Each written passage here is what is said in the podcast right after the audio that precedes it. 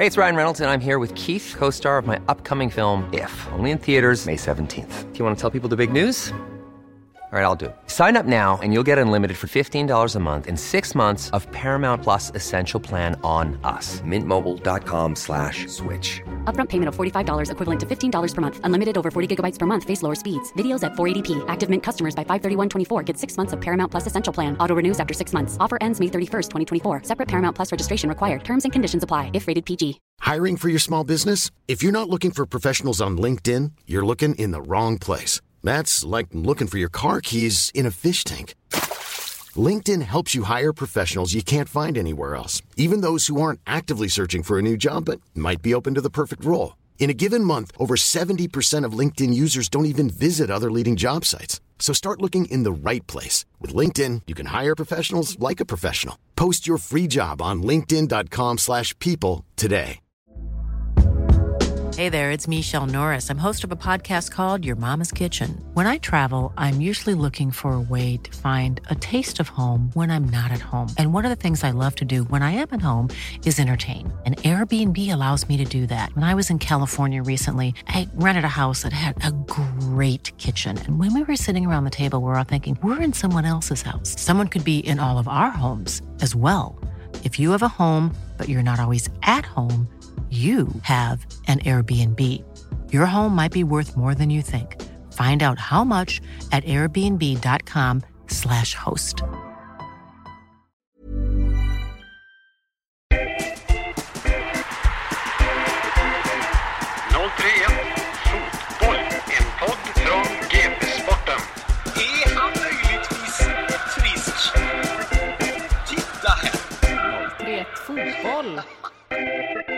Då säger vi varmt välkomna tillbaka till 031-podden som har haft en väldigt lång vintervila. Både jag och Linus behövde få lite ledighet och eh, våra intervjuoffer behövde få lite ledighet. Men den här veckan har vi lyckats boka en podd och det är en spelare som hunnit bli 31 år gammal och är inne på sin fjärde sejour i IFK Göteborg. Vi säger välkommen till Sebastian Eriksson. Tack, tack. Första offret här. Ja, det är första offret för året. Ja. Ja, ja, är du nervös nu? Ja, lite faktiskt. Pirrar lite i magen. Ja, ja. Du, du känns annars som en poddgäst. Tycker du det? Ja, jag får aldrig vara med. Det är ingen som frågar mig. Så det var kul att ni frågade. Det var ena jättelänge Vi ser det som en ära att ha med dig. Så Ja, att, tack. eh, ja. Härligt. Vi, vi är mest glada att det var någon som sa ja. Jaha, ja, ja, jag förstår det. Hur mår man annars som IFK-spelare då? Jo, men det är ganska bra tycker jag. Ehm, Jag har varit ledig ganska länge. Lite för länge tycker jag. Det blev långtråkigt hemma.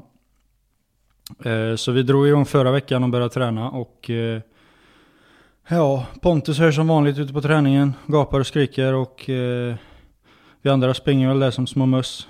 Och får rätta oss efter honom. Ja, du behöver inte skrika och gapa längre. Nej, det är rätt skönt. Jag sparar stambanden. Men han är ju så gammal så han slutar väl snart så då får jag, får jag stämma upp dem igen. Hur är det att ha en sån som Pontus Wernbloom i laget? Nej, det är underbart ju. Han har varit eh, ute i Europa i väldigt många år och spelat på en, en hög nivå och vet vad, vad allting handlar om. Och eh, eh, det är bara att ta efter honom ju. Han leder ju tåget liksom. Han är ett lok. Vi, vi som, nu när det inte varit någon publik på läktarna i år, har vi ju kunnat höra allt som hörs, som, som sägs på planen. eh. Det är, och det tycker vi är helt underbart. Ja, det kan jag och tänka mig. Pontus, Pontus har ju fått en del rubriker under året. Ja, precis. Eh, snacket på planen har ju alltid funnits som man säger. Det är ju bara att ni aldrig har hört det så Ibland slinker det väl ur ett och annat ur hans eh, käkar där som eh, kanske inte ska vara med i tv och sådär men eh, Tar man det på rätt sätt så är det ju lite roligt också att eh, man får Att ni får höra vad vi egentligen gapar till varandra där ute på planen. Jag har en fråga till det här som jag måste se om det här verkligen stämmer. Jag har hört en skröna om att eh, för många år sedan spelade ni borta mot Elfsborg, du tappade bollen, Pontus Wernbloom fick ta ett gult kort, blev avstängd mot AIK nästa omgång och du fick nästan låsa in dig eh, i- på toan i omklädningsrummet för att han var så arg på dig. Ja, han var arg därefter faktiskt, det stämmer. Eh, det stämmer ganska bra. Eh, jag, fick, eh, jag fick gömma mig lite efter matchen där faktiskt. Hur länge satt du där inne på dass på Borås Arena då? Ja, det minns jag inte, men det var en stund. Nästan så är han och, och skita tror jag. passa på när man ändå sitter där. Ja, jag sitter där i mörkret, då kunde man lika gärna göra det ju. Hur var det när du väl öppnade dörren då? Nej, då var jag ingen kvar ju. Det var helt Du var själv! Hade de lämnat dig i Borås alltså? Ja, de glömde kvar mig där. Du fick ta länsbuss hem? Ja. Så någon express, finns det, går det någon express till Borås? Ja, 100-bussen. Ja, just det. Men du, eh, vem har värst temperament? Eh, För du är ju också känd för ditt temperament. Ja, men Pontus är värre. Han är så jädra verbal. Jag kan ju bli arg på mig själv och gå runt och sparka bollar och sånt, men han gapar och skriker på allt och alla.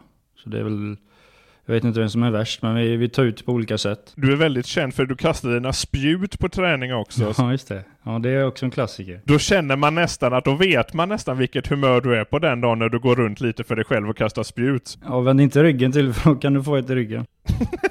Ja, det, det är så alltså, lagkamraterna vet det också eller? Ja, det vet de. Det är inga konstigheter. Hur många gånger under den första träningsveckan har du velat kasta ett spjut i Pontus Wernbloms rygg? Jag har velat ett par gånger, men eh, vi har ju inte de eh, spjuten med oss ut nu. Det är ju sådana som sitter med en liten pigg i gräset, sådana vanliga stolpar. Ja just det, Men funkar de- inte konstgräs. Nej, exakt. Så det är dåligt med det nu. Annars känns det som att det är den sista i laget man kanske ska ge sig in i ett bråk med. Ja, jag, jag gör inte det. Hamnar jag i bråk så, och blir arg så, så skynda jag bort. Bra tips. Det känns som att det var därför du valde Tobias Sana i en kuppmatch i höstas istället kanske. Det är enklare att bråka med honom. Ja, det är ju så. Man får välja vem man bråkar med ju. Man kan ju inte ta det största. Men hur är annars det nu när ni har kommit tillbaka lite av det äldre gardet och lite tjafsar med varandra? Eh, Känner man att det är lite som förr eller? Ja, det känns ju nästan lite surrealistiskt att alla är, eller så många av oss är här igen. Det blir ju... Det blir, blir lite konstigt, man får, eh, man får mycket minnen och sådär det känns som man är yngre igen fast man är, börjar bli lite gammal sådär. Eh, Men det är fram- framförallt väldigt, väldigt roligt att ha alla hemma och eh, vi har känt varandra så länge och nästan har växt upp med varandra så så det är ju underbart att få de sista åren tillsammans igen faktiskt. Och många av oss som har varit ute på olika ställen i Europa och eh, lärt sig en väldigt massa och fått spelat både med mot väldigt duktiga spelare. Och eh, det är klart att då lär man sig mycket också på vägen. Trodde ni det, att det skulle kunna bli så här? Nej, jag trodde inte det. Vi är ju några stycken som har varit hemma ett par vändor. Bjärsa har varit hemma flera vändor. Jag har varit hemma, det är fjärde gången nu. Eh, Jakob har väl inte varit ute så jättelänge. Eh, och, och Robin också. Sana har varit ute i ganska många år. Eh, så jag trodde inte det skulle bli så många som kom tillbaka samtidigt. Eh, så jag är väldigt glad för det. Måste jag säga att det är så pass många ändå. Kanske blir någon till, vi får väl se. Ja, det kanske du vet bättre än vad vi vet. Jag vet tyvärr inte, jag kan inte skvallra åt det här utan eh, jag vet inte, eh, inte ett skvatt mer än er. Jag tror kanske ni vet mer än mig ibland, ni som är ni skvallerbyttor om man säger. Men hade du vetat något så hade du inte sagt det här ändå eller? Självklart inte. Hur mycket kontakt har ni då? Har ni någon sån här gemensam WhatsApp-grupp där ni berättar om livet och framtiden? Och... Nej, vi har inte det tyvärr. Vi kanske skulle skaffa det. Men eh, jag träffade faktiskt eh, Mackan och Gustav här eh, för en, tre veckor sedan tror jag. Vi var och spelade lite paddel tillsammans. Eh, så då träffade jag dem en, en stund i alla fall. Så det var härligt. Det var ju, var ju faktiskt eh, flera år sedan jag träffade dem nu. Så det var kul att få träffa dem. La du in någon övertalningskampanj då? Nej, det blir det inte. Eh, ärligt talat så får de bestämma själva om de vill komma hem igen. Jag tror inte de bryr sig om jag tjatar på dem heller riktigt. Tyvärr. Man vill ju också veta på paddelbanan, är du likadan som på fotbollsplanen då? Att du får dina utbrott även där? Ja, det kan hända faktiskt. Det, det värsta är att när man drar bollen i, i planket så är man ju sin största fara själv för han kommer ju tillbaks. Så det, det är sant. man får ju flytta på sig. Få vara lite smart. Du har fått några bollar rätt i huvudet då som du har dragit själv eller? Jag drog, det var faktiskt i spelet, alltså när vi mitt i en match så, så slog jag en hård boll bak i planket. Men jag stod i vägen själv så jag fick den rakt i ögat. Så då höll jag på att, eh, jag höll faktiskt på, det kändes som jag skulle bli blind för den tog stenhårt från en halv meter rätt i ögat. Så då, då det gjorde faktiskt ont. Riktigt ont. När Pontus Farnerud hör det här så kommer han vilja omförhandla ditt kontrakt, att du lägger in en sån klausul att du inte får spela. Ja, just det. Spela. Eller ha sådana fula glasögon som Davids hade. Har du något sånt coolt i ditt kontrakt som, som du inte får göra? Stefan Schwarz fick ju inte åka till rymden och grejer. Hade han? Är det sant? Ja, han hade det när han var Arsenal. Han höll på att köpa in sig på någon jävla rymdfärja eller någonting, så då skrev de in det att han får inte åka till rymden. Fan vad sjukt.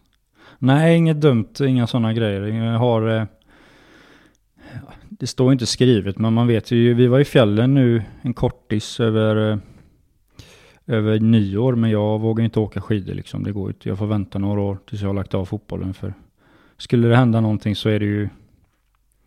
Hade det ju varit eh, bedrövligt att få avsluta karriären eller så.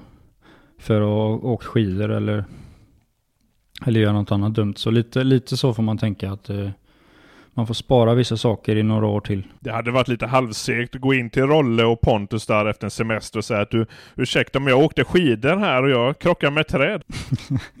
ja, och blev... Eh, och vad blir man då? Plattnäsad? ja, det kan du bli. Det på vad du träffar, men det kan alla möjliga skador ju. Ja, eh, nej, jag höll mig ifrån det faktiskt. Hur mår din eh, kropp annars? Den har ju fått sin, sina smällar genom åren. Jo, men den mår ganska bra. Eh, det var skönt att få lite ledigt här. Eh, slicka såren lite. Det var en konstig säsong i fjol, även om man inte gjorde så mycket matcher så, så var det speciellt på många sätt för alla. Eh, så jag mår bra. Jag känner mig frisk och kry och eh, hyfsat lätt i kroppen. Eh, så det ska nog, det ska nog gå i, i ganska många år till hoppas jag. Jag känner inte att jag har ont någonstans eller att det är någonting som hämmar mig utan eh, kroppen känns pigg och fräsch och, och hyfsat ung fortfarande. Det var ju lite speciellt där, kommer ihåg, det var, tog väl sju minuter eller någonting när du skadade i comebacken i Ja, året, ja exakt. Det stämmer på minuten. Var det för att du liksom var inte redo eller var det bara otur? Nej, men jag var ju redo. Alltså jag var ju trä, jag hade ju varit i träning och eh, tränat mycket, men jag hade inte spelat match på väldigt länge. Ehm, så det var nog det som var att jag var inte redo för match på det sättet att eh, att jag inte hade gjort det på så länge. Problemet med det är ju att du måste ju spela match för att och, eh, komma in i det om man säger. Så det var, fanns ju egentligen ingenting att vänta på.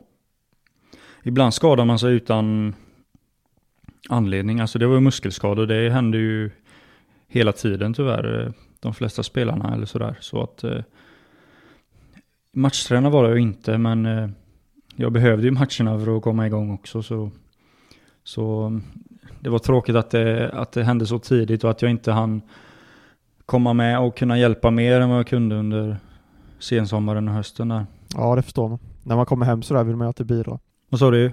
Vad sa du Linus? Ja, när man kommer hem sådär vill man ju alltid in och bidra ganska snabbt. Ja, precis. Och man, eh, jag hade inte spelat på länge och jag var verkligen sugen att få, få spela fotboll igen och spela matcher och få bidra ute på planen. Och, eh, så det var, det var segt för mig. Det blev en ganska seg höst också tyvärr. Ja, hur var egentligen ditt fjolår där? Det börjar med ett italienskt fängelse som du har beskrivit det. Kommer hem, släppt ut i frihet och så skadar man sig direkt. Ja, precis som du säger.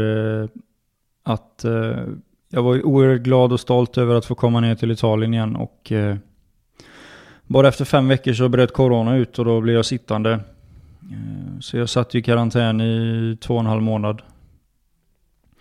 Och sen började vi träna och, eh, och när serien började så, så fick jag inte spela någonting så att jag eh, försökte träna på så gott det gick. Och, eh, men det var tufft. Det var väldigt tufft mentalt såklart. Och det var tufft att repa sig efter den eh, karantänen i, i ensamhet så länge. Det var en väldigt speciell situation att bli sittande så länge.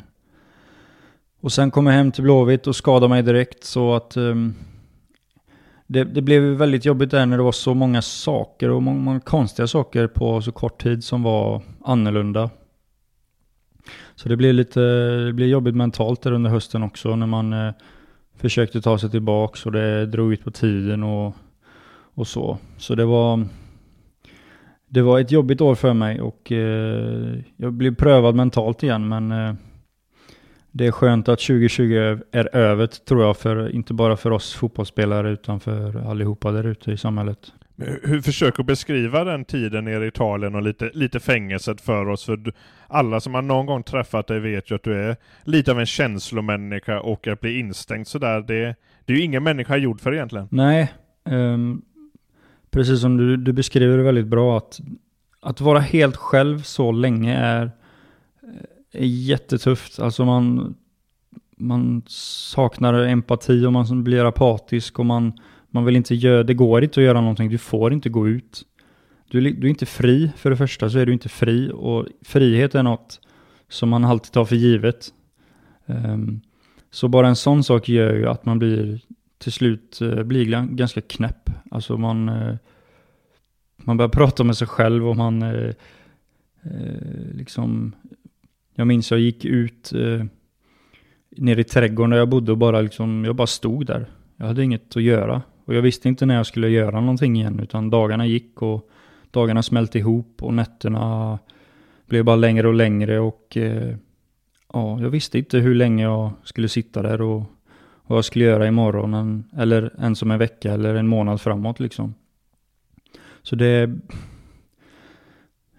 Hade man suttit här för ett drygt år sedan och sagt att jag skulle sitta sådär helt själv eh, så hade man bara skrattat åt det men eh, nu är det ju så som, som situationen är och har varit för alla alla i världen i, i, i en väldigt lång tid nu och ni ska, vi ska veta det att i Sverige har vi det väldigt, väldigt bra. Det finns de länder som sitter fort, fortfarande nästan helt inspärrade och knappt får gå ut. Vi får ju fortfarande röra på oss ganska så fritt. Eh, och det glömmer man bort, även om vi klagar ibland här i Sverige så har vi det, har vi det bra. Hur jobbigt var det när det var som allra värsta under den perioden? Ja, hur jobbigt är det? Man, man går upp, man gör ingenting. Eh, man får i sig lite mat och sen går man och lägger sig. Alltså det är ju svinjobbigt. Du vill ju inte... Det är klart att du inte vill ha det så. Du vill ju hem, du vill träffa din familj, du vill träffa dina vänner. Och du vill få tillbaka något sånär ett liv. Så det är klart att det var svinjobbigt. Eh, bland det, alltså det, klart det värsta jag har gjort. Eh, men just att det blir en så speciell situation, det är så svårt att, att beskriva hur det var och beskriva hur man mår och beskriva hur, hur man känner. Och det, mm, jag hade inget val. Jag fick inte gå ut, så jag kunde inte gå ut och jag kunde inte göra någonting annat heller. Så det var bara att försöka lida ut mentalt helt enkelt. Bygger man upp, upp några former av rutiner liksom? För man har hört om klubbar som tränar via länk och, och sådana där grejer liksom. Ja, det är ju det är egentligen så man klarar av det. Eh, och försöka skaffa sig rutiner. Jag försökte gå upp ganska tidigt. Eh, runt nio tiden och äta frukost. Sen gå en liten promenad på förmiddagen. Som tur var hade jag med mig ett eh, Playstation ner till Italien, så jag spelade väldigt mycket Playstation. Um, och sen åt jag lunch och sen eh, försökte jag göra någonting om jag eh, lyssnade väldigt mycket på podcast. Eh, jag var fortsatt ute och gick i några timmar på eftermiddagen. Och sen när mörkret la sig så, så satt man egentligen inne och eh, spelade tv-spel. Det var så man fick dagarna att gå helt enkelt. Och speciellt kvällarna och nätterna. Vissa hade säkert tyckt det var asskönt. Jo, visst man kan ju romantisera eh, ett tv-spelande. Det hade säkert varit eh, helt annorlunda om jag hade varit 1920. Eh, precis gått ur gymnasiet till exempel och sådär men nu är jag lite äldre och har lite mer erfarenhet av livet och vill göra saker och eh, hade fått en liten en pojk som sprang runt här hemma i Sverige och var, var glad så han saknade man givetvis väldigt mycket. Eh, så att eh, ja, man kan tänka att eh, det är skönt att inte göra någonting, men eh, över tid så är det precis tvärtom. Jag läste i någon gammal intervju att du också även när du var i Grekland eh, hade lite tufft med det här med ensamhet och, och så. Tror du att du lider extra mycket av det jämfört med normalmänniskan? Nej, det tror jag inte, utan det är tufft att vara själv alltså. speciellt när du, när du har en familj så, så, så vill du vara med dem så mycket som möjligt. Um, så jag tror många lider av det, tror jag faktiskt, som är ifrån sina familjer och sådär. Men det är väl bara att jag har sagt det också, att jag berättar hur det är kanske. Det tror jag mer att uh, jag tror de allra flesta saknar sin familj och släktingar och vänner väldigt mycket, det tror jag. Mycket Facetime-samtal från Italien hem till sonen gissar jag då eller? Ja, det blev några timmar om dagen. Som tur var finns ju de här sakerna nu för tiden. Jag minns när jag flyttade till Italien första gången. Ehm, det var ju precis 2011 ja, då, då hade inte de här sakerna riktigt kommit än. Så då var det liksom, ja man skypar väl någon gång ibland men då var det ju inte, och då var det fortfarande dyrt att ringa hem och sådär. Så det var, man kan tro att jag är född på stenåldern men det var faktiskt eh, skillnad. på, Skicka hem en brevduva till Sverige. Ja, exakt. Skicka, skicka eh, sån, eh, vad heter det? Ja, vanliga brev. Fick man göra. Vanliga brev helt enkelt ja. Det har man ju glömt hur det är nästan. Ja herregud ja. Sonen då, påminner han om dig? Har han ditt temperament? Han har ju det tyvärr. Aj aj aj. Ja, jag kämpar med han där hemma. Så han är... Han går hårt åt mig nu. Han eh, kan ju inte prata än, men han är, springer omkring och, och har en väldig vilja. Så han pekar sådär lite, lite finurligt åt mig vad han vill att jag ska göra. Men det är inte så lätt att förstå det alltid. Och då blir han arg, den lille jäveln. Och då blir du arg? Då, då blir jag arg. Så då blir det blir ju ett jävla liv där hemma liksom. Det känns som att det behöver bo en fredsmäklare i det huset. Ja, det är ju tjejen. Men det går inte så ja, bra. så hon mäklar fred då? Ja, hon gör så gott hon kan. Men du, eh, Italienflytten, när den kom upp, hur var det? Jag, jag minns att din agent Stefan Selakovic sa lite att man fick nästan nypa sig i armen för att det kändes så osannolikt. Var det så för dig också? Ja, det är klart. Så var det verkligen. Eh, Jag hade aldrig trott att jag skulle få komma dit ner igen. Och jag trivs ju så bra här hemma i Blåvitt och jag ville vara här hemma och vi hade gjort ett ganska bra år, en bra säsong. Eh, Och jag har väl aldrig haft så kul, det har jag sagt innan också, som jag hade det året när jag spelade. Så det kom ju verkligen eh, från ingenstans att få komma dit ner och eh, jag hade aldrig trott det. Men som sagt, när väl frågan kom så var det inget att snacka på utan då var det bara att packa väskan och dra. Varför tror du att erbjudandet kom då? Ja, en bra fråga. Nej men jag eh, har ändå ett litet namn där nere, eller hade det från tiden i Cagliari och eh, var väldigt omtyckt i Cagliari. Och den sportchefen som var i Genua då eh, var den killen jag hade i Cagliari. Så det var egentligen den connection som var att, att det var min gamla sportchef helt enkelt. Ändå, hur svårt var det beslutet att ta? Nej, det var ju inte svårt. Alltså det, det var, det var vemodigt var det, väldigt vemodigt för jag ville ju inte lämna Blåvitt. Eh, Men det var liksom aldrig någonting att tveka på utan det var ju bara, det var bara att skriva på egentligen. Eh, Och få en sån chans ganska sent i karriären.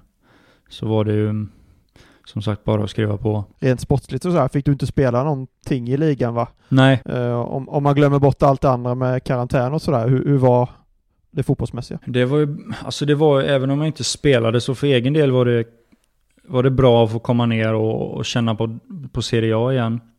Eh, för man ser, det är svårt att se på tv skillnaden, men, men när du är där nere och tränar med de här spelarna som är väldigt, väldigt duktiga så, så ser du att det går undan alltså, att det är en skillnad. Så man kan ju ta med sig saker hem också. Nu är jag hemma igen och eh, och man, man liksom tar med sig en massa saker och eh, ser hur mycket bättre de är där nere egentligen. Eh, så, så man lär sig ändå faktiskt, även om man bara tränar så. Och det var en ganska kort period så lär man sig ändå mycket saker på, på ganska kort tid. Även om det inte märks. Haha. Men lite sån eh, italiensk disciplin kanske du har lärt dig? Ja, alltså man gör ju det. Sen är fotbollen annorlunda hemma och eh, den är väldigt annorlunda. Eh, så man kan ju inte ta med sig allt, men man kan ju... Man får värdera och liksom tänka om och... Eh, men ändå ha med sig det på något sätt. Att man... Eh, så har man gjort hela livet, alltså hela karriären. Man, man tar med sig någon sak från Grekland och man tar med sig någon sak från en tränare i Blåvitt och så tar man med sig något från nästa och det är så man eh, det är så det funkar med erfarenhet egentligen. Det är så det går till. Man lär sig saker hela tiden. Din tidigare sportchef i Blåvitt, Kenneth Andersson, pratade om att de till och med övade på filmningar under hans tid i Italien. Gjorde man det under din tid med eller? Nej, jag tror det var tidigare man höll på. Eh, om man kollar gamla bilder från Italien eh, från 80-talet så... Ja, nu när man kollade Maradona dokumentären till exempel så ser man ju att det var ju... Det var ju nästan som i England där också. De sparkade ner varandra till höger och vänster. Maradona fick ju så mycket stryk så det var ett under att han kunde spela. nästan ibland så mycket stryk som han fick. Så det kom väl Italien där sent på 80-talet tror jag och 90-talet att, att man lärde sig att filma. För att det var så pass hårt som det var. Men sen blev det ju, det blev ju en religion nästan det också. Sen kunde ju alla det helt plötsligt, så då behövde man ju inte träna på det. Hur bra är du på det? Jag är skitdålig på det. Jag är inte bra på att slänga mig och, och få det se ut som att man fick en knuff eller så. Eh, Det har jag alltid varit ganska dålig på. eh, Trots att jag har varit i Italien då, men eh, det där är en spelstil nästan. Och en, en, jäkel som var riktigt bra på det, det var Erik Lund. Bara för att säga någon. Han av alla alltså. Han var skitbra på det. Han var trängd i, ute på ytterbacken där, trängde något hörn och så hade han inget att göra så väntade han bara. Fällde han ut sin lilla rumpa där så väntade han på en liten knuff så la han sig bara. Så fick han frispark varje gång. Det är det man brukar säga för en ytterback som gör det. Då ser man det rutinerat ju. Ja exakt, men han var det tidigt då för han gjorde det tidigt. Annars så finns det många som tycker att eh, en viss högljudd lagkamrat till det idag kanske inte alltid står upp jättelänge. Nej det är väl så kanske. Jag vet inte.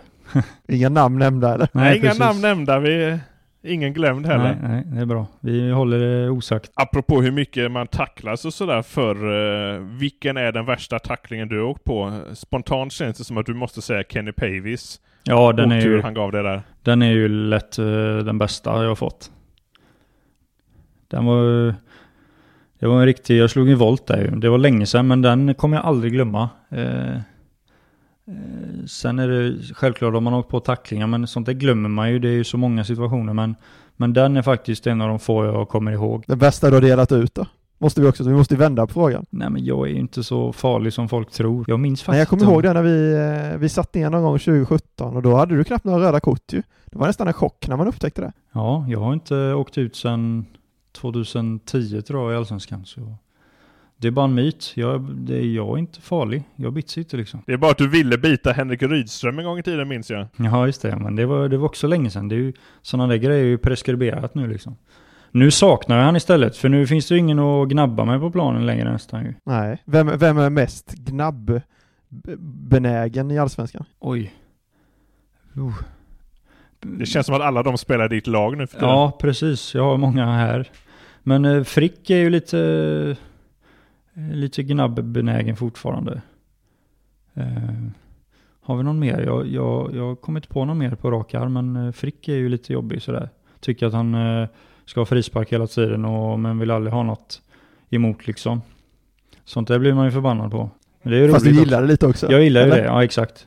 Jag behöver det. Det känns som att du till och med uppskattar liksom Kenny Pave och en sån tackling han gjorde även fast du fick den volten du gjorde liksom. Ja, alltså skadar jag mig inte så det är ju skönt att få stryk. Det, jag tycker det är gött liksom och...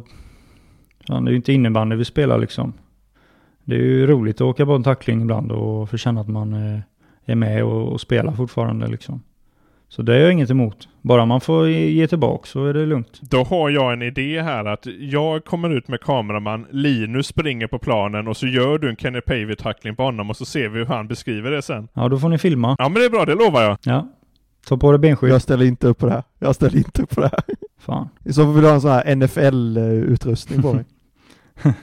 Ja, just det. Full mundering. Men hur kommer det sig att du faktiskt lite har lugnat ner sig? För när du var yngre så var du kanske mer arg utåt sett, men sen kändes det som att något hände och du vände det lite mer inåt istället. Ja, men det är ju...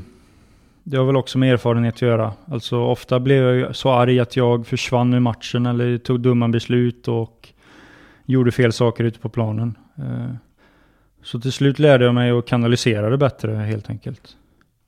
Och inte gå och fundera på saker som har varit på planen och sådär och, och vara arg för det fortfarande för då eh, då blir prestationen sämre helt enkelt. Ehm, så det tog väldigt lång tid för mig att lära mig det.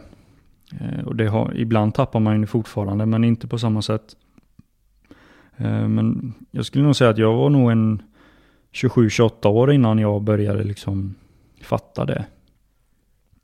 Att inte vara så arg hela tiden och när jag väl blev arg att försöka ta ut på rätt saker. Var det något särskilt som gjorde att du fick du inse det? För tidigare i den här podden har vi haft Niklas Andersén som gäst och han berättade att han var så galen som ung så att hans föräldrar slutade titta på matcherna och det var hans väckarklocka lite. Ja, nej men jag... eh, Så var det ju när jag var ung också. Jag slängde ju skor och sånt efter när jag förlorade matcher liksom. Och fan, eh, folk skämdes ju för mig. både släktingar och, och sådär. Och lagkamrater och tränare och sådär. Eh, men för mig tog det lång tid. Det är också det som har gjort att jag tagit mig dit jag har.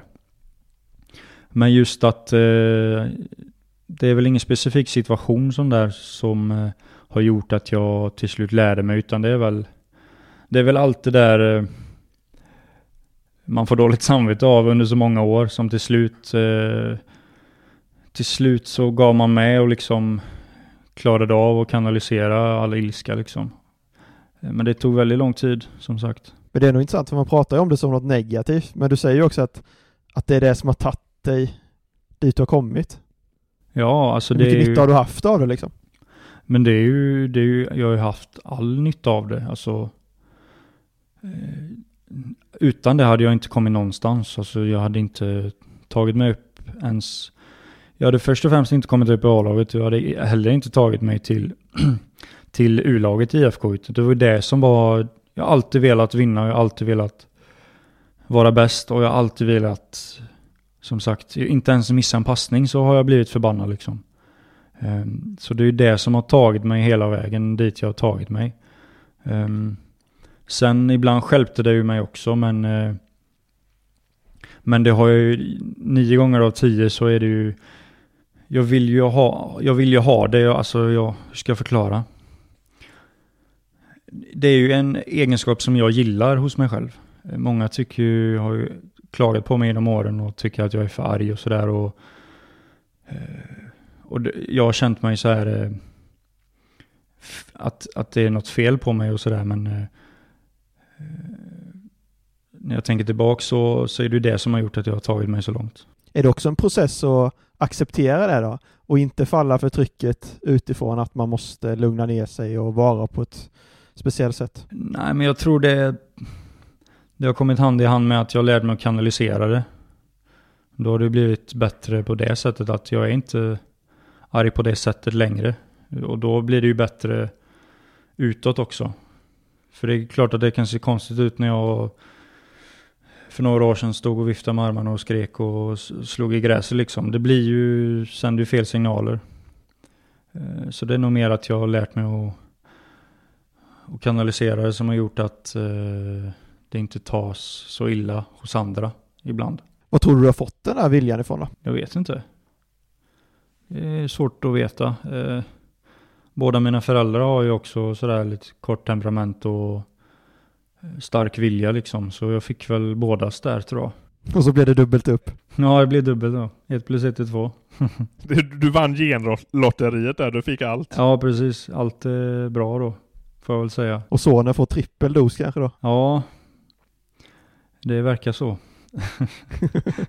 Men har du känt den känslan eftersom många kanske då har klagat på och kanske velat ändra dig att det var något fel på dig liksom? Nej, det är inte så jag menar att det är något, alltså det, det har varit något fel så, men det är väl mer att man, eh, de försökte ju hjälpa mig, alltså när man inte presterar så har man haft bra folk runt omkring sig som eh, har velat hjälpa till. Eh, och till slut så trillade väl poletten polletten ner hos mig och jag ändrade lite på mig. Så det är väl mer det. Jag har aldrig känt så, det är inte så jag menar att jag har känt att jag är konstig eller fel, utan det är liksom, jag har haft en jävla vilja bara och den har den har jag visat på, på olika sätt. Och vissa sätt har varit bra för mig och andra och vissa sätt har, varit dåligt. Så det är inget konstigt egentligen. Är det någon särskild person som har betytt extra mycket för dig under din karriär och din utveckling? Det är ganska många. Det är dels mina farföräldrar och mina föräldrar i tidig ålder som alltid har stöttat mig och låtit mig få hålla på. Eh, Och kasta skor och sådär liksom. Och försökt att säga till mig. Sen är det givetvis de som tog mig till Blåvitt i första hand och de som tog mig upp i A-laget och de som trodde på mig i A-laget. Och, så det är ju hela vägen liksom. Det finns ju väldigt många som har varit med och gett mig chansen i, i olika stadier i karriären. Eh, som, är, som har gjort att jag kunnat gå så långt som jag faktiskt har kommit. Och då är det omöjligt på något sätt att inte lyfta upp Håkan Mild i de här tiderna när han är ny, till, tillbaka i Blåvitt och ny klubbdirektör. Ja, han var ju den som värvade dig en gång i tiden väl? ja, Från Åsebro. Ja, precis. Det var, det var Thomas Gertmo och Eili Björkman som tog mig till U-laget och sen var det ju egentligen Eilert som ville upp mig och det var ju Håkan, Stefan Rehn och Jonas och Teddy som, eh, som tog upp mig i A-laget och som trodde stenhårt på mig och eh, så där är Håkan ett, ett, en stor del att han eh, trodde på mig och gav mig ett A-lagskontrakt och, och sådär va. Eh, så han är en av många och eh, det är underbart att han är tillbaka här uppe på Kamratgården. Ja, hur reagerade du när det beskedet kom? Jag blev svinglad. Alltså jag satt hemma och hoppade jämfota i soffan liksom. Det var så oväntat också, jag visste inte och det var dagen innan vi skulle börja träna så man man fick sig en jädra kick där på morgonen minns jag förra tisdagen. Eh, Och det var det var väldigt oväntat och eh, så jag blev oerhört glad när jag läste att Håkan skulle komma tillbaka. Förklara varför. Därför att Håkan är ju Blåvitt. Eh, för oss som har varit här länge så är ju, är ju klubben viktigare än någonting annat. För, för ganska många av oss som är här nu, som har varit här många år. Eh, och Blåvitt har en sån fin historia och det finns så mycket innanför de här väggarna kvar.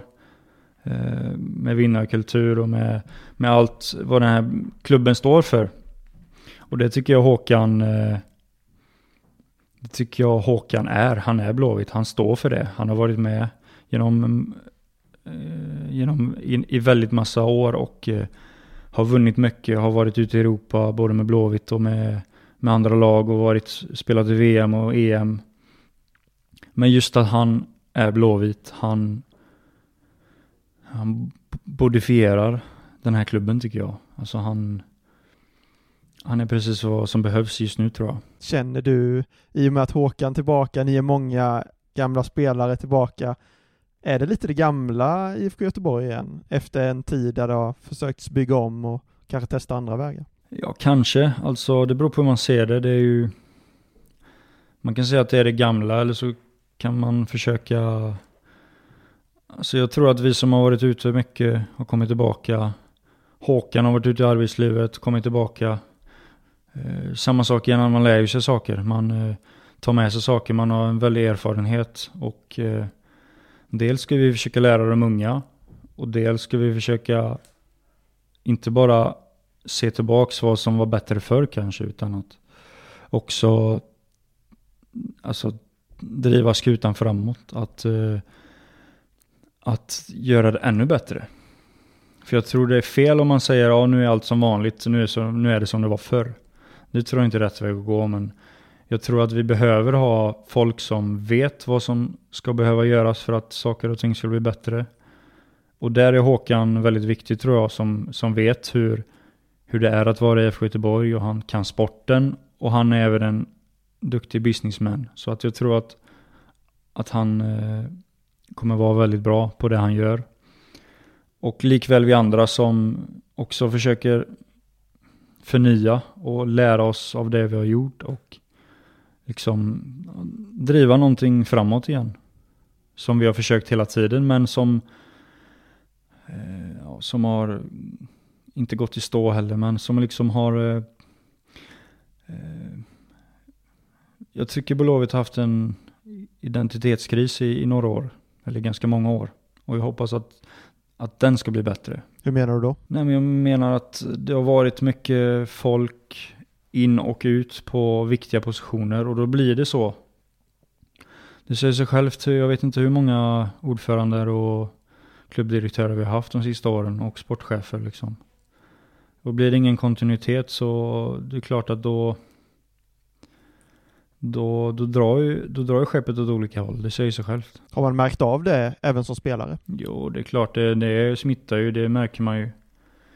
Eh, Det går ju inte att komma ifrån. Eh, Och när, när det kommer någon eh, och säger att nu ska vi göra så här och så, så tar det ett och ett halvt år och så kommer det någon ny och så tar det två år och så kommer det någon ny. Det är inget konstigt, det är inget fel på de som har varit, utan det är mer kontinuiteten som inte har varit bra. Eh, Får man inte den så blir det svårt att, att göra samma saker under tid. Vad känner du talar för att det är åt rätt håll nu då? Nej men det är ju just att vi har fått det, det är det gäller att hitta rätt. Och jag tycker Håkan är rätt. Han, han kan ju allting. Han kan klubben och han kan sporten och han kan eh, hur det är att driva ett företag. Så det är därför jag hoppas så mycket på Håkan. Så han får ställa upp nu. Jag, jag läste någonstans också att du, du, när du slog igenom kallades det nye Håkan Mild. Oj då, gjorde jag det? det kanske inte etablerades så, så bra. Nej, det gjorde nog inte det va? Du har helt missat detta. Nej, det har jag väl inte, men det var... Jag är ingen ny Håkan på något sätt. Verkligen inte. Håkan är ju Håkan. Alla mittfältare som kom fram och som var bra på att vinna bollen, de blev den nya Håkan Mild. Ja, precis. Sen det är lite jag- som i sen- Argentina, den nya Messi. Ja, exakt. Ja, det är så. Det... Sen eh, kan jag spela fotboll också, det kunde ju inte Håkan. Nej, det, det såg man i VM 94 där. Ja, precis. Det gick ju dåligt. Du är, en, du är en bättre Håkan Mild, alltså det är det vi landar på. Ja, tack. med den nysatsning som klubben ändå gjorde, som du ändå varit del av här med den satsning som gjordes med Poyarsberg och sådär. Var, varför föll inte den ut tror du? Oj, det är ju många saker. Det är många olika faktorer såklart. Eh, jag tyckte, jag tyckte, nu ska vi se så det blir rätt årtal här, men 2019 tog vi stora steg tyckte jag. Alltså vi spelade roligt, vi gjorde mycket mål. Eh, sen blev ju 2020 blev ju eh, året där många, alldeles för många saker gick fel. Och när det börjar gå dåligt så, eh, så är det svårt att vända på den på, på det sättet som blev. Men det var match väldigt ofta. Killarna kunde inte träna. Um, och hamnar du där i en ond spiral i en sån säsong då, då är det svårt att vända på det. Och det var ju det, det märkte man ju. Till slut så kändes det inte som det spelade någon roll hur, hur Blåvitt spelade. De liksom eh, de förlorade matchen till slut. Och eh, då är det tyvärr tränaren som ofta får han som ryker först. Och det var så det blev även denna gången. Och eh, ja, vad var frågan? Den har sl- sl- slavat bort mig nu. Vet lite varför du tror att det kanske inte blev ett bättre resultat än vad det skulle bli. Var det, var det för stor förändring som skulle göras liksom? Nej men jag tror där, där är ju de här sakerna med egentligen utanför laget, utanför tränaren, utanför sportchefen. Det är ju som jag förklarade innan att det har varit turbulent i klubben vid sidan av och det smittar av sig. Det är mer det tror jag som har varit svårt eh, de sista åren. Hur känner man annars som spelare när en tränare får gå? För att det, det blir som du säger, där, det blir ju alltid tränare som får gå istället för spelarna. Ja, men det är tufft. Eh, Det är ofta tufft eh, när det blir så. Man känner ett eget ansvar. Det gör ju alla spelare också. Man vet att hade, hade någon gjort mål där eller man inte släppt in ett mål där så hade situationen för den tränaren sett annorlunda ut. Så det, det är tufft för alla i en organisation på olika sätt när en tränare får lämna. Eh, Och inte minst för tränaren själv. Hur kände du när Roda Nilsson kom in där som ersättare? Det är också en person som har varit med extremt länge och på extremt hög nivå. Ja, precis. Eh, Och också samma sak där, en, en människa som kan klubben.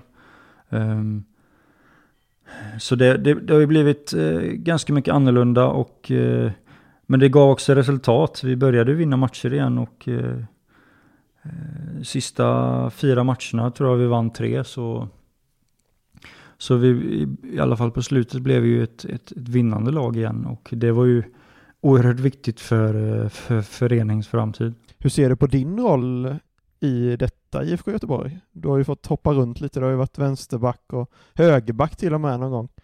Vad, vad ser du din framtid här? Ja, men jag är ju en städgumma. Jag, är ju den som spelar där det behövs och där sista platsen är liksom. Det är väl så jag ser mig. Eh, och just nu är jag vänsterback och det funkar bra. Eh, jag behöver anpassa mitt spel eh, mera till det, men det tar också lite tid. Så jag hoppas kunna göra det nu under, under försäsongen här och eh, ja, spela matcher och bidra ute på planen så mycket som det bara går. Rolla var tydlig där att det är vänsterback du ska vara. Ja, alltså det vet jag om och det är på de premisserna som jag fick komma tillbaka. Så, så det är så det kommer bli. Hur känns det då? Och vara städgumma menar jag. Jo, men det har jag varit så länge nu så det känns bra. Alltså det är inget, det är inget dåligt med det. Jag är ju en spelare som kan spela på många positioner och tycker om att göra det. Jag tycker om att spela. Liksom, för mig spelar det ingen roll vart så. Utan eh, bara jag får vara med ut och leka på planen så, så är jag glad liksom. Ehm, sen är det givetvis att jag tycker mer om att spela in i mitt fältare. Det har jag alltid tyckt, men eh, det är liksom en marginell skillnad och man får inte alltid välja. Och eh, just nu har vi många in i mitt fältare och jag kan spela vänsterbacks, då gör jag gärna det. Då hade Pontus Wernbloom gjort sig som vänsterback. Tänk att ni ska skifta kanske där någon gång. Det är ingen bra idé Linus. Nej, okej. Nej. Jag försöker bara få in dig på, med, mitt i planen här. Ja, det var, det var Det snällt. då. Det var snällt. Men eh, ja, kanske om något år får jag komma tillbaka. Vi får väl se. Vi pratade lite med Wernbloom efter er första fotbollsträning och då sa han samma sak. Jag spelar vart tränaren än sätter mig. Förutom på någon jävla kant för då river jag kontraktet. Alltså, ja, ja du ser. Annars för egen del då, att, få, att faktiskt få komma till IFK Göteborg fyra sessioner, återvända tre gånger. Vad, vad har det betytt för dig att klubben alltid haft den där dörren på vid gavel egentligen för dig? Ja, det är väldigt få förunnat i den här världen vi lever i att ha ett hem så som jag faktiskt har fått haft det och så som jag har det. Eh, för det är inte lätt när man, när man väljer att gå ifrån en förening så är det ju väldigt sällan man får komma tillbaka. Så det är jag väldigt stolt och glad över att jag har fått göra alla gånger. Att de alltid tar emot mig med öppna armar och, eh, och att kärleken verkar ömsesidig. Eh, Så det är jag väldigt glad för. Det här borde vi egentligen fråga alla som har tagit hem det genom åren, men varför tror du att dörren står på vid gavel? Ja, det vet jag inte, men jag, eh, jag är blåvit. Jag älskar den här föreningen, jag vill vara här. Ehm, det är väl den stora. Sen har jag mycket erfarenhet. Jag varit här i många år, jag vet hur det är här. Jag har varit utomlands och fått spela fotboll. Ehm, och jag vill fortfarande väldigt mycket. Ehm, jag vill vara i Blåvitt. Ehm, så jag, som sagt, jag är tacksam att jag får vara det. Du pratade lite om eh, att det kanske var premissen att du skulle vara städgumman när du kom hem den senaste gången. Hur, hur gick den dialogen? När det stod klart att du skulle lämna Genoa? Jag förstår inte frågan Linus. Du sa att kanske att premissen för att du skulle komma tillbaka den här gången var att du skulle spela vänsterback och täcka upp och, och sådär. Hur, hur gick den diskussionen efter halvåret i Italien? Jo, men det var ju precis så att eh, det har varit ett, ett tufft år för Blåvitt, även ekonomiskt. Och eh, när man hade fullt på mitten så, så var det fullt liksom. Man kan inte ta in spelare hur som helst. Eh, men fördelen med mig har ju alltid varit också att jag kan spela på så många olika ställen. Vilket gör att eh, för min del att det är också lättare för mig att få vara hemma. Där, när jag alltid kan hjälpa till, förstår du? Mm, mm. Så det är ju till min fördel att jag eh, som sagt kan spela på så många ställen att jag är nyttig för ett lag och, och ställer alltid upp. Var det så att du liksom gick med på mindre lön och alltså sådär? Som spelare ibland gör när man kommer hem. Ja, alltså man spelar inte i Sverige och i Blåvitt för pengarna på det sättet. Vi har väldigt bra löner. Eh, om man ser ut, utöver ett vanligt arbete i Sverige eller så. Men, men eh, vi tjänar inte så mycket som man gör i vissa länder ute i Europa där man kan lägga undan flera miljoner om året och sådär. Utan eh, när man spelar i Sverige så gör man det för att, för att man vill eller så. Att man, eh, att man har tagit valet att vara hemma. Jag tror jag ställde den frågan till dig när du kom hem där, vad du hade gjort om, om dörren inte hade varit öppen till IFK Göteborg den här gången. Ja. Ja, det är en väldigt Jag bra kommer inte ihåg fråga. vad du svarade i och för sig, men Nej, men det, det, som tur är behöver jag ju aldrig veta det. Eller jag behöver aldrig ta reda på det, för hittills har den alltid varit öppen. Eh, och då, som sagt, som jag sa innan så, så är det ju underbart att ha en förening där, där, där dörren alltid är öppen och eh, har gjort att jag har känt mig väldigt trygg genom min karriär.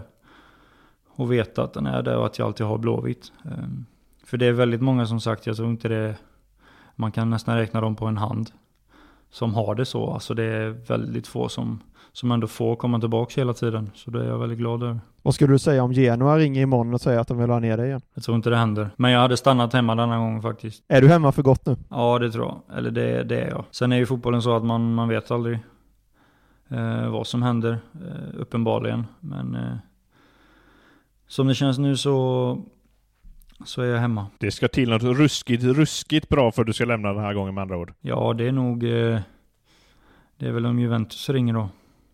Eller något Eller. Tobbes Kina-pengar kanske? Ja, kanske City där nere i Kungsbacka. Ja. Det hade varit något. Ja, där ja. Du gör den flytten istället till Kungsbacka och tar hans Kina-miljoner. Ja precis, jag tar dem av honom. Men du säger ändå att du känner att du har, som vi började med hur kroppen kände sådär, att du har många år kvar? Ja, alltså det, det, det känner jag att jag har. Sen eh, skulle man åka på en, en stor skada till så, så är det ju en annan situation. Men eh, just nu så känns det bra. Jag känner mig pigg och stark och eh, egentligen eh, inget att fundera på utan bara ta ett år i taget och, eh, och köra så hårt det bara går de sista åren här. Om man inte blickar mot att komma utomlands igen, vad, vad vill man få ut av de åren som är kvar? Och så mycket som det bara går. Alltså vara vara med om eh, och slåss om guldet igen givetvis.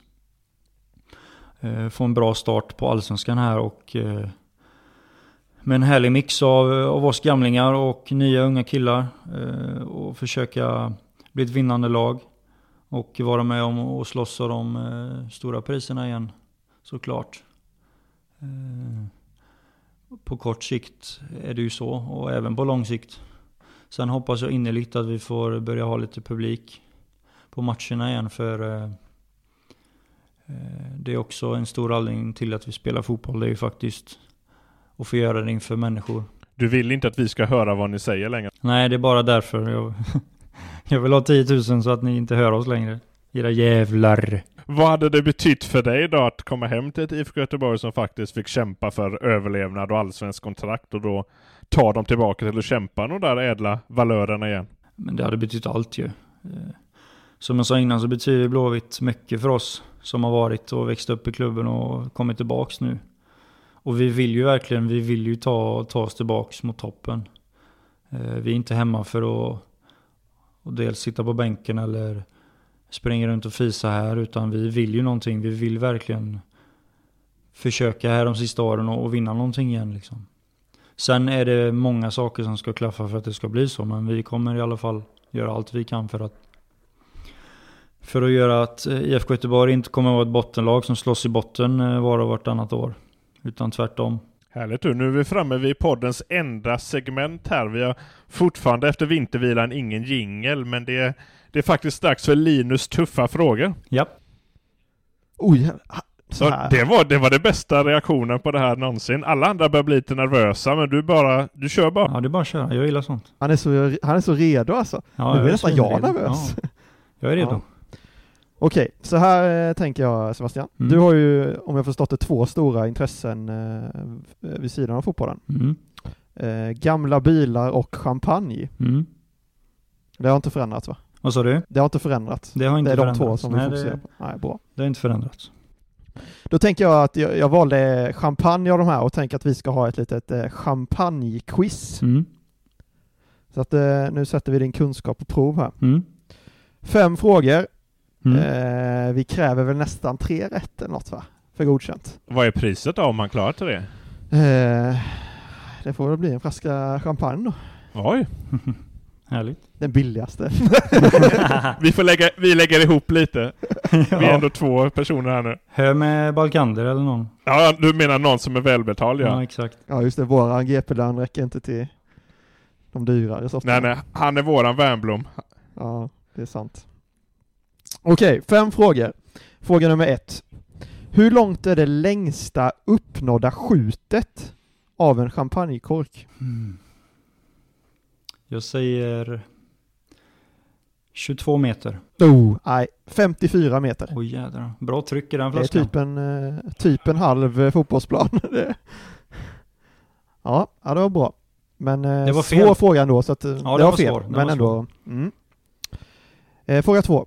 Hur mycket kostar världens dyraste champagne? Kan du namnet så eh, väger det ändå upp. Jag vet också. inte vad som är är dyrast stjärna men... Eh, jag vet inte vad som kan vara dyrast idag men Crystal eller någonting kanske? Ja, den heter Taste of Diamonds tror jag. Ja, Ace of, okej, Ace of Spades, ja då vet jag.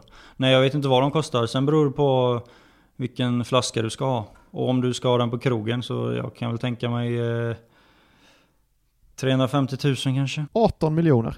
Ja, Okej, mm, du ser. Ja. Det är ju helt sjukt. Den har du inte i samlingen med andra ord. Nej, inte ens nära. Hur många flaskor har du? Och jag räknade dem häromdagen, vad var det? 40-tal bara. Ehm, Den växer ju långsamt. Sen är- får man ju fan att dricka upp dem också. Det är det som är det Ja, svåra. det är det som... Ja. Det är tur att ni är elitidrottare man inte dricker champagne varje dag. Ja, precis. Annars hade de varit slut. Okej, vi rullar vidare. Fråga Mm. tre. Hur många bubblor finns det i en flaska champagne? Fan, Var har du hittat de här svåra frågorna? Jag ty- tror det skulle vara om någon eh, producent eller om eh, hur man gör typ. Ehm, ja, men det kan du få berätta sen. Det kan bli ett bonusavsnitt. Ja, Okej. Eh, hur många bubblor? Ja, jag säger 2 miljarder. 49 miljoner. 79 miljoner. Ja, då svarar jag fel Ja. på ganska, ganska mycket. Ja, det var... Jag är inte ens nära. Ja, fortsätt. Nej, nej. Två Ja. kvar va? Fråga fyra. Mm. Eh, Marilyn Monroe älskade champagne, som vi alla vet. Ja. Eh, och hon älskade så mycket att hon en gång badade i det. Mm. Hur många flaskor krävdes det för att fyllas hennes badkar? En flaska är ju en knapp liter. Eh, jag säger 300. Oh, bra gissning. 350. Ja, det var inte så illa ändå. Jag närmar Den mig. får du faktiskt rätt för. Tack. Ja, bra. Du växer. Och fråga fem, som rundar av det här quizet. Hur många flaskor champagne dricker vi svenskar om året? Totalt sett. Totalt. Då ska vi se. Det bor 10 miljoner i landet. Eh, jag säger en miljon. 2,5 miljoner. Ja. Bara, en- två, bara en och en halv miljon fel då. Det var ju nästan. Ja. det, var... det var en riktig superquiz det här. Ja, ett rätt. Det vinner man inget på. Nej, tyvärr får du ingen flaska champagne då. Av oss. En tur för er. Nyfiken här på att Linus kanske är en riktig champagneexpert här. Det verkar ju så. Är han det? Eller har jag bara googlat? Ja, men han kanske har någon eh, vinkyl där ute vid Rebergsplatsen. Nej. Men du, eh, berätta gärna hur detta intresset föddes. Genom en eh, kock, gamla kocken i Blåvitt. Som var duktig på att laga mat och duktig med viner och champagne. Och vi blev goda vänner så att eh, det var genom honom som eh, det väcktes det intresset i mig. Tror du det är någonting som kan, du kan syssla med efter karriären? Absolut inte. Jag kan... eh, Då kommer du bara dricka det. Ja, precis. Ja, det kommer jag att göra. Inte mer, än, inte mer syssla än att dricka upp det goda va? Nej, jag kan ingenting liksom. Jag kan inte mer än att jag tycker att det är gott eller inte så. Sen lite nörderi med hur det går till och, och lite olika byar och sådär. Men eh, och vilka producenter som är bättre och men eh, jag kommer aldrig kunna syssla med det sen. Vad ska du göra då? Det, Den dagen? vet, det är en bra fråga. Eh, Jag vet faktiskt inte. Om det blir kvar inom fotbollen eller om det blir någonting annat. Det, det är så svårt att svara på när man fortfarande är igång. Det, man, kan inte, man, man står inte där liksom, utan man, man är fortfarande uppe i fotbollen. Så man, man behöver inte ta det beslutet än. Klockor kanske, stämmer det inte att du samlar på klockor också? Jo, men det, det vill jag heller inte syssla med så. Det är en hobby det också. Jag har några små sysslor som jag pysslar med där hemma. Det låter som att du måste ha ett stort hem om du ska få plats med alla dina hobbys. Ja, jag måste köpa mig ett hus nu för det börjar bli fullt. Gustav Svenssons hus låg ute till försäljning. Ska han sälja det? Jag har 10 millar där uppe i Landala hem. Oj då. Det får han Du alltid... kanske kan få får kompispris. Ja, ja, exakt. Jag får pruta lite. Annars kan du göra som Wernbloom och lägga ut någon efterlysning där. Jag behöver ett hem. Det är lite enklare när man har varit i Ryssland i 6-7 år också. Ja, ja, men några år i Italien breddar inte Ja. det. Nej, jag har inte lika, riktigt lika mycket eh, stor guldkista som Pontus tyvärr. Ja, men fan. Man kan inte få allt du. Nej, så är det faktiskt. Det är helt, eh, helt rätt. Och man blir inte lyckligare av det, och pengar. Nej, nej, det ser man ju på han. Precis, han ser jävligt olycklig ut. Vi är i vart fall väldigt lyckliga över att vi har fått sno eh, en timme av ditt liv. Ja, det var trevligt. Ja, du, du gillar att vara med i podd så du kanske blir stående inslag här. Ja, vi får väl se. Om ni hittar någon annan stackare att bjuda in, annars är jag med igen. Ja. Om vi inte hittar någon så hör vi av oss nästa vecka igen. Ja, det är bra, gör det. Det är bra Jan Lind. Ja, det var. Då dricker vi champagne under tiden. Ja, det gör vi. Jag och Linus i vart fall. Du får dricka vatten. Fan. Härligt du. Stort tack för att du var med. Tack själva hörni. Tack, tack. Ha det fint. Tack. Till er som lyssnat säger vi också tack och vi är tillbaka nästa vecka om vi hittar en gäst. På återseende.